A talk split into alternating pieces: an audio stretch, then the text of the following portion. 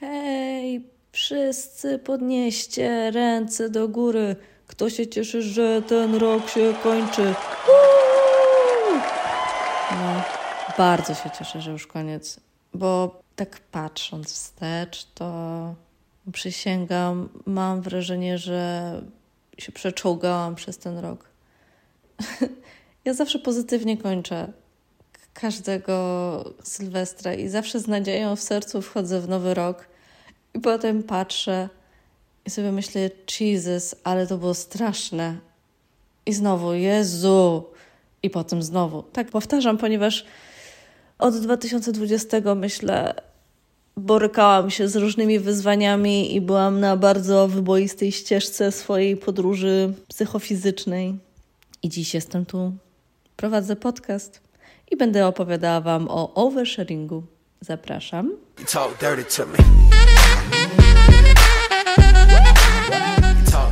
Tak sobie myślę, że chyba się przyznam trochę już na starcie do tego, że sam ten podcast jest w pewnym znaczeniu oversharingiem.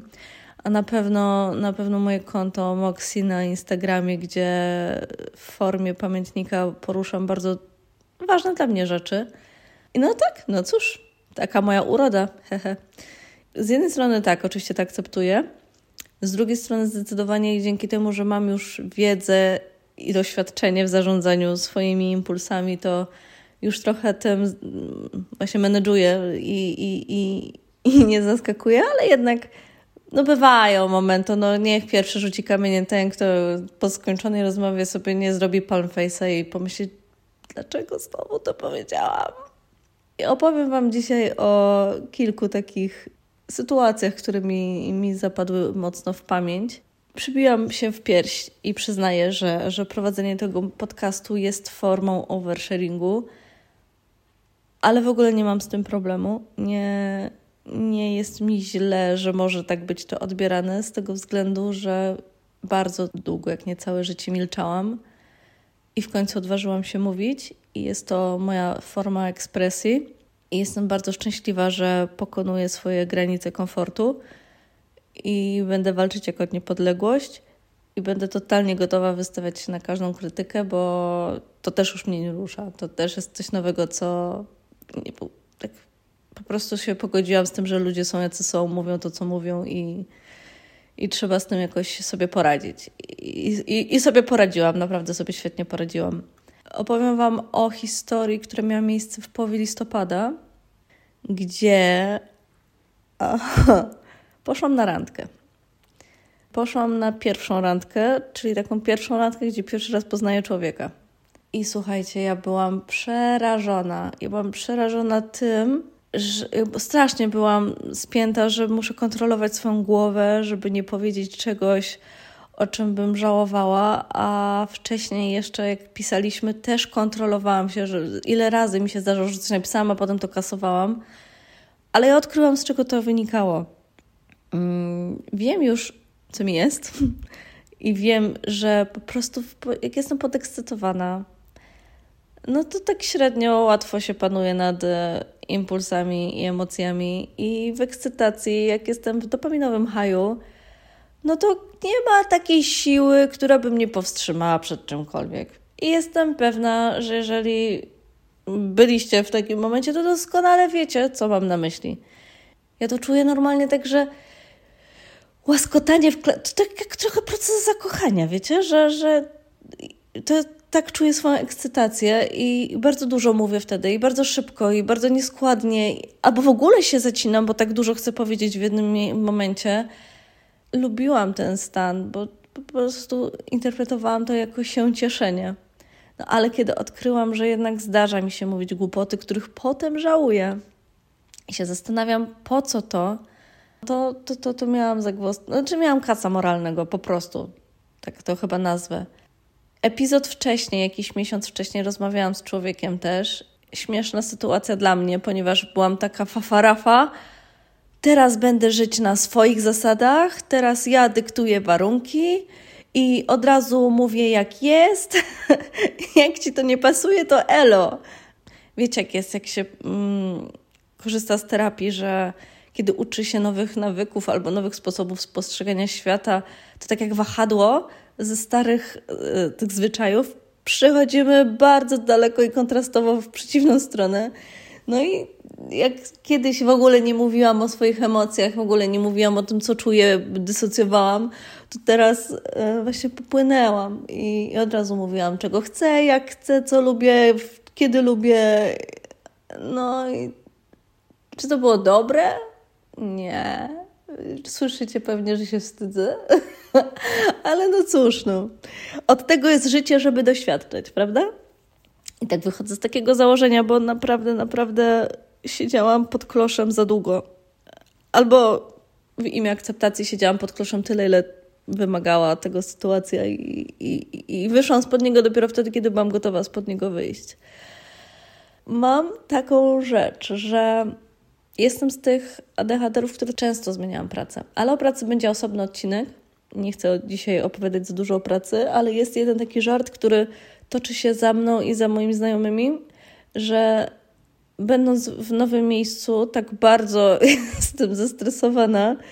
I to jest tak, że to naprawdę wynikało ze, z tego swojej, ze swojej niepewności i z tego, że po prostu zajebiście chciałam być zaakceptowana zawsze. Ja chciałam pokazać od razu na start wszystkie swoje walory, wszystkie swoje wady i tak, wiecie, jak taka mała mi, tylko że mała mi to była zołza, nie? Ale chodzi mi o taką, weźcie mnie, taką jaka jestem. Ja mam dużo wad, ale mam też mnóstwo zalet. Szczerze Wam pokazuję, co mam do zaoferowania. I tutaj był ten właśnie e, motyw, którego długo nie mogłam się wyprzeć. Proszę, weźcie mnie. Tu jest miejsce na konsternację i pomyślenie o jej, jakie to smutne.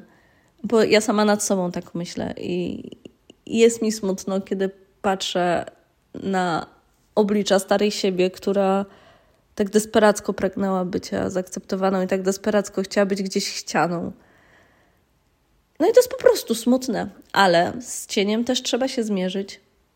No ale dlaczego, dlaczego o tym opowiadam? Ponieważ wchodząc do nowego miejsca pracy, ja nie wiem dlaczego. Po prostu uważałam, że świetnym testem na znajomych, na moich znajomych w pracy będzie to, czy jak się będą śmiać, kiedy opowiem im mój kultowy żart łamany na performance, czy się będą śmiać, czy zrobią yy, minę największego cringe'u ever, no to już wtedy wiem, z kim mam do czynienia. I zechcę Wam opowiedzieć teraz ten kawał. I zróbmy dokładnie ten sam eksperyment. Jak uznacie, że jestem chorym pojewem, okej. Okay. Jak jak się będziecie dobrze bawić, wspaniale witajcie w moim świecie. Zatem, żart. Nie mój, oczywiście zasłyszany. Co mówi dziewica po swoim pierwszym seksie oralnym? Kocham. Czy jestem obrzydliwa? Może. Czy mi z tym dobrze? Wspaniale. Mam jeszcze kilka takich e, mocnych żartów. Niestety one przychodzą do mnie wtedy, kiedy chcą, a nie wtedy, kiedy je wzywam. To nie tak jak z Pokemonami.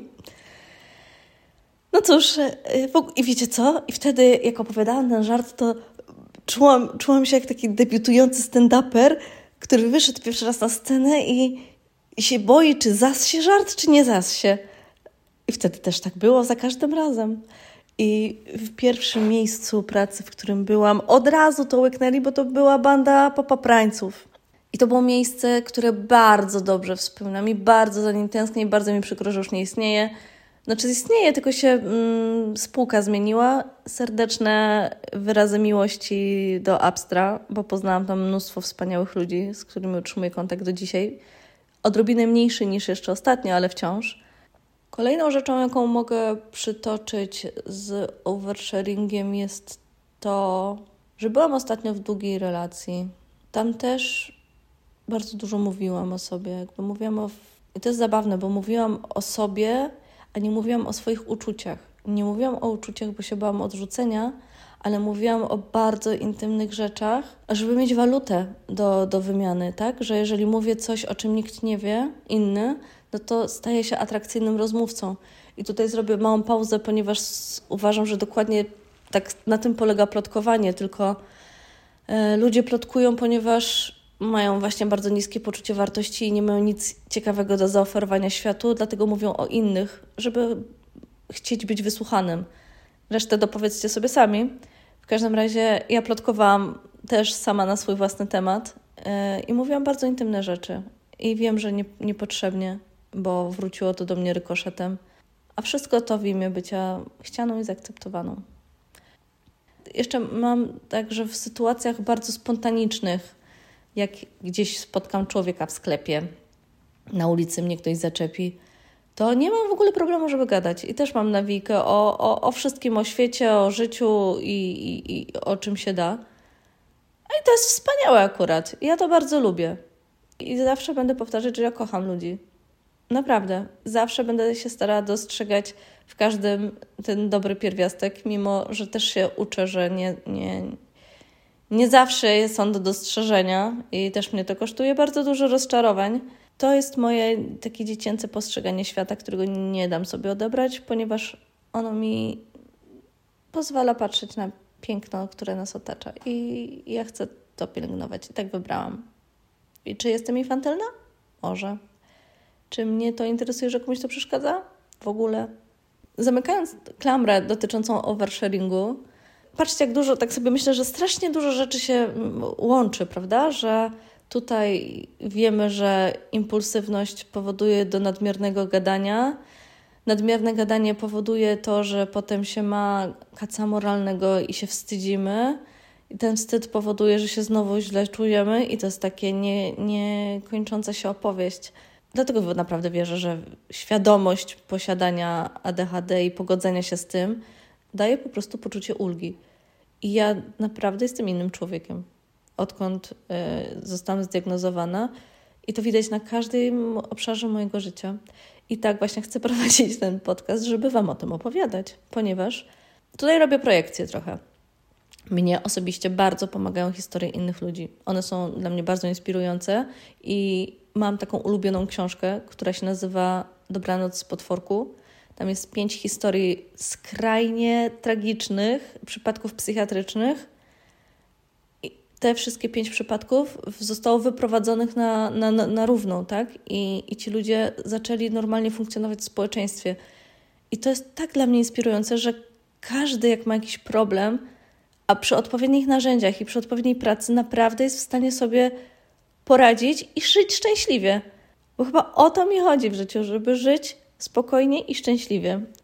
Jestem chodzącym stand-upem i naprawdę masę mam różnych dziwnych przygód i wiem o tym, że jak z Wami rozmawiam, to też jesteście magnesami na często trudne przygody, ale to, że życie nas nauczyło śmiać się, bo to był nasz jedyny system obronny, to właśnie te wszystkie trudne sytuacje przeinaczamy w jeden świetny żart, który opowiadamy. I czy to jest dobre? Jeszcze nie umiem na to odpowiedzieć. Jeszcze się zastanawiam. Jeszcze to nad tym myślę. Jak wymyślę swo swoją, swoje stanowisko w tym temacie, to na pewno się nim podzielę, ponieważ kocham oversharing. A tymczasem życzę Wam wspaniałej zabawy sylwestrowej. Bawcie się tak, jak chcecie. No. I każdy robi to, co chce i na co ma ochotę. A życzę Wam, żeby 2024 był czekajcie, mam takie jedne życzenia, które one są trudne w konstrukcji zdania. Życzę Wam, żeby najlepszy rok z 2003 był najgorszym w 2024. Czajcie? Ale generalnie życzę Wam, żeby każdy dzień był super i bez okazji. Słyszymy się za rok w takim razie, nie za tydzień. Trzymajcie się. Hej!